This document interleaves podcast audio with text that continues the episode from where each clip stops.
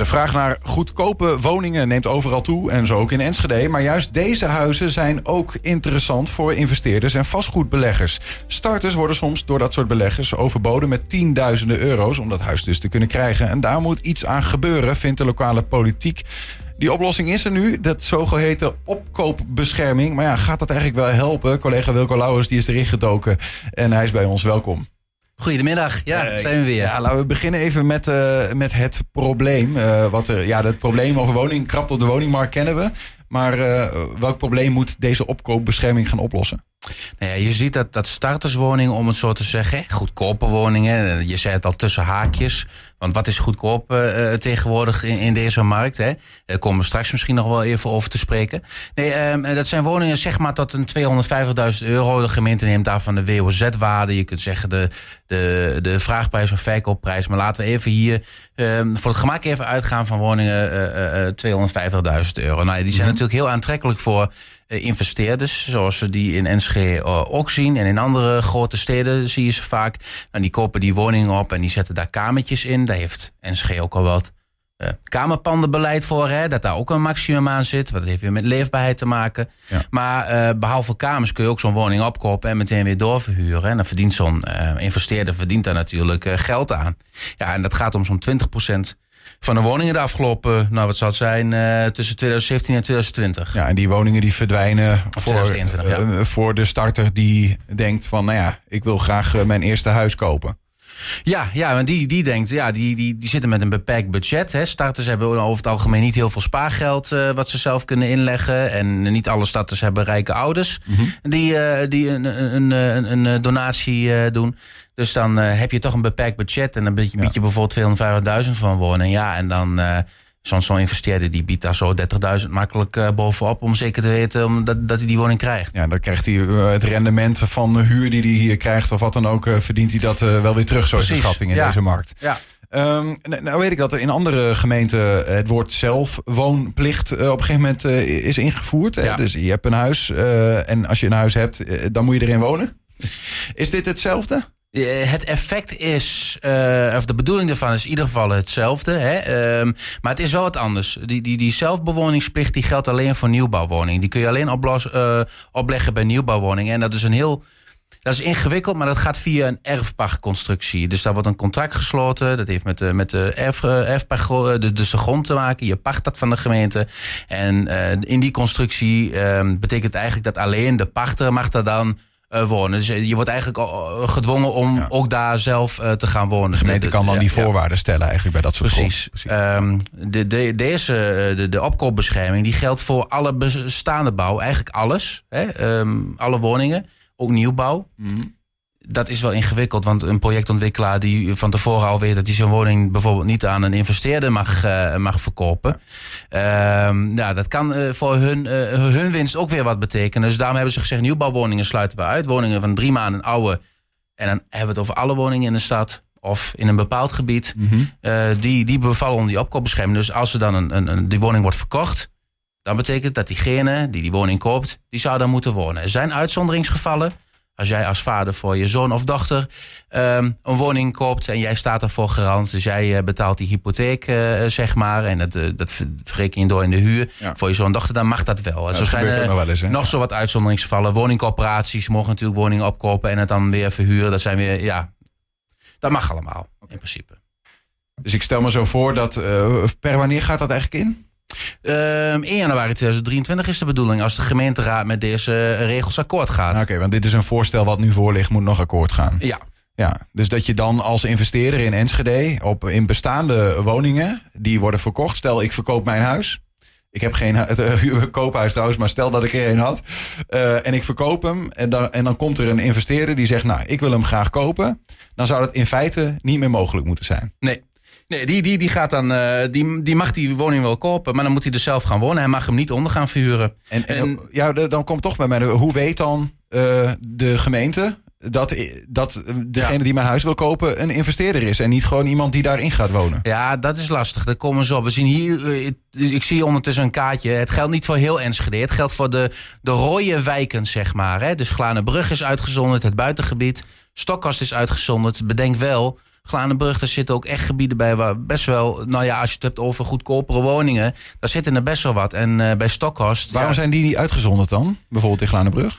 Eh, ik heb daar geen reden voor gevonden, moet ik eerlijk zeggen. Eh, ja, ehm, in het, in het achterliggende onderzoek, maar ik heb hem niet tot in detail gelezen. wordt wel gekeken naar waar de, de schaarste het grootst is. Hè? Want je moet kunnen aantonen bij dit soort regelgeving dat er een schaarste is van goedkope woningen. En hoe toon je de schaarste aan? Nou, dan zeg je dat een bepaald aantal woningen um, gaan naar investeerders. In Enschede ligt dat ongeveer op 20% bij de goedkopere woningen. Zeg maar. Dus tot 250.000 of tot 215.000 euro hebben ze gekeken. Is uh, 20% gaat naar een investeerder. Nou, dat vindt, vinden ze onwenselijk.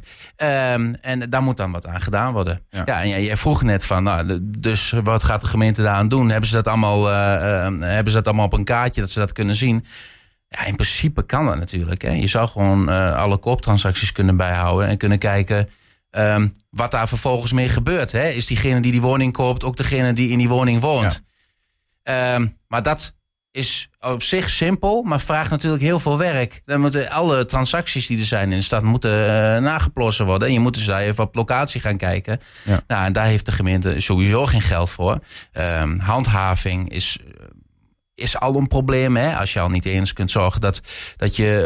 Uh, um, ja, de, de focus ligt op parkeerboetes en op, uh, op afval bijvoorbeeld. maar heel veel andere dingen, daar wordt al niet, niet op gehandhaafd. Dus de, ze hebben maar heel weinig ruimte om dat te doen. Dus wat gaan ze doen? Reactief handhaven. Dat betekent dat als een, pas als er een melding komt van een, van een inwoner of van iemand anders in de stad.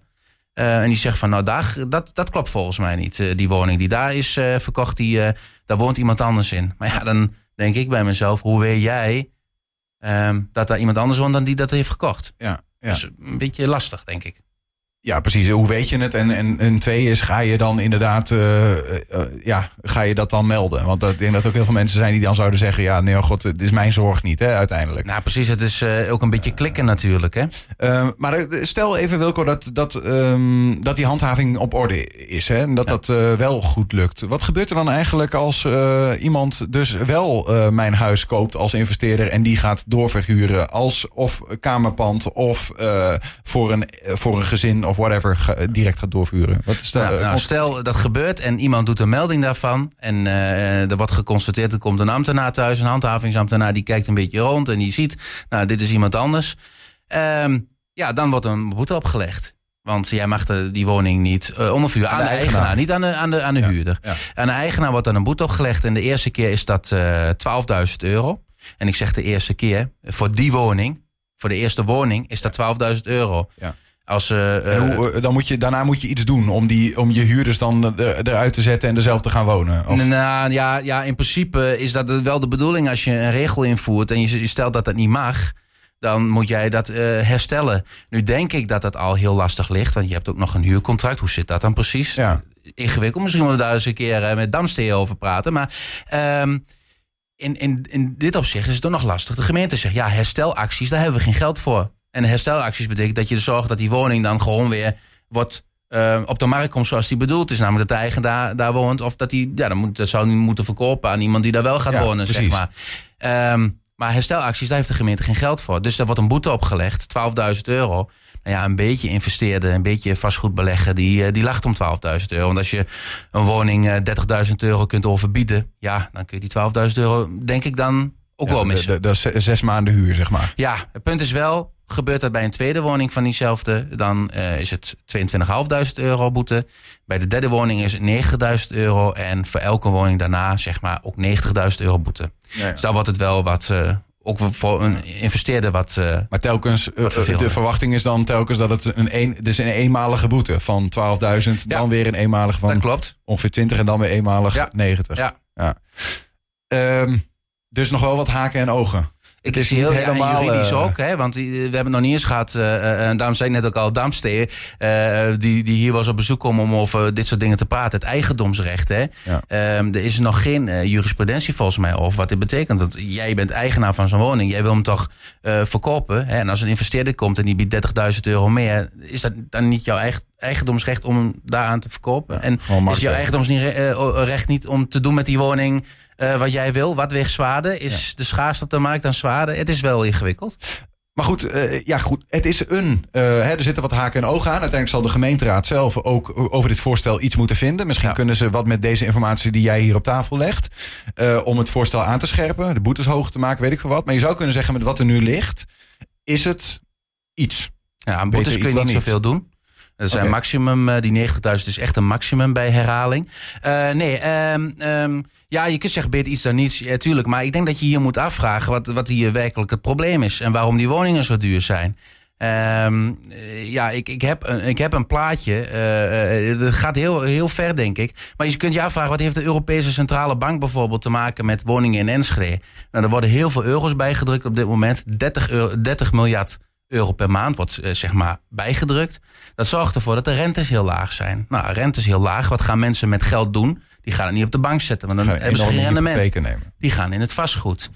Um, tegelijkertijd zie je dat um, um, daardoor ook de, door de lage rentes heb je ook lage hypotheken. Dus vooral tweeverdieners kunnen meer hypotheek krijgen met hun geld. Dus dat zijn allemaal prijsopdrijvende uh, uh, systemen in die woningmarkt. Nou, en tegelijkertijd zie je dat mensen die een een, een beetje salaris verdienen van 44.000 euro in, in het jaar, zeg maar. Dat zien we een beetje in het midden. Die krijgen nog niet eens een hypotheek voor 2 ton. En dit haal ik uit het onderzoek dat achter deze. Ja, Oké, dus op de x-as zien we inkomsten. En op ja. de y-as zien we de bijbehorende hypotheek die iemand kan Precies. krijgen. Precies, een eenverdiener, uh, uh, nou, ik zal niet met mijn salaris tonen, maar gaat het vanuit dat het een beetje daar ergens in het midden is. Ik kan niet eens een, een, een, een woninghypotheek krijgen van, van 2 ton. En ehm, het vervelende is, als ik nu nog een sociale huurwoning zou willen krijgen. Ik woon er gelukkig al, uh, al tien jaar en bewust ook sociale huur. Hm. Maar dan kan ik ook niet sociale huurwoning krijgen, want ik verdien daar te veel voor. En als ik dan privaat wil huren, dan zegt de private huurder... ja, maar ik, mijn huurbedrag, jij moet minimaal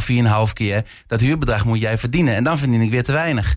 Dus er zijn heel veel mensen die zitten op de markt, die kunnen helemaal niks. Ik denk dat je moet afvragen waarom die woningen zo duur zijn.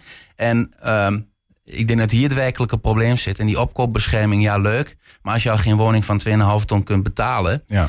Dan heb je ja. er ook niks aan. Ja, nee, precies. Maar goed, de, ik begrijp, nou, nu gaan we heel ver op. Ja, maar dat, maar dat de, is maar. De hypotheek je kunt het ook niet los van elkaar zien. wel weer stijgt, ja. toch? De, iets wat. En, uh, ja. Uh, Straks gaan de rentes stijgen. En dan gaan er denk ik ook wel grotere problemen komen op deze markt. Maar dat zullen we zien. Um, in ieder geval, wat betreft de opkoopbescherming, het uitleggen daarvan en de haken en ogen op tafel leggen. Uh, dank voor die uiteenzetting. En we gaan volgen wat uh, de gemeenteraad uh, hiervan gaat vinden. Ja, dat is binnenkort na de zomer, denk ik. Ja, Wilco, dankjewel.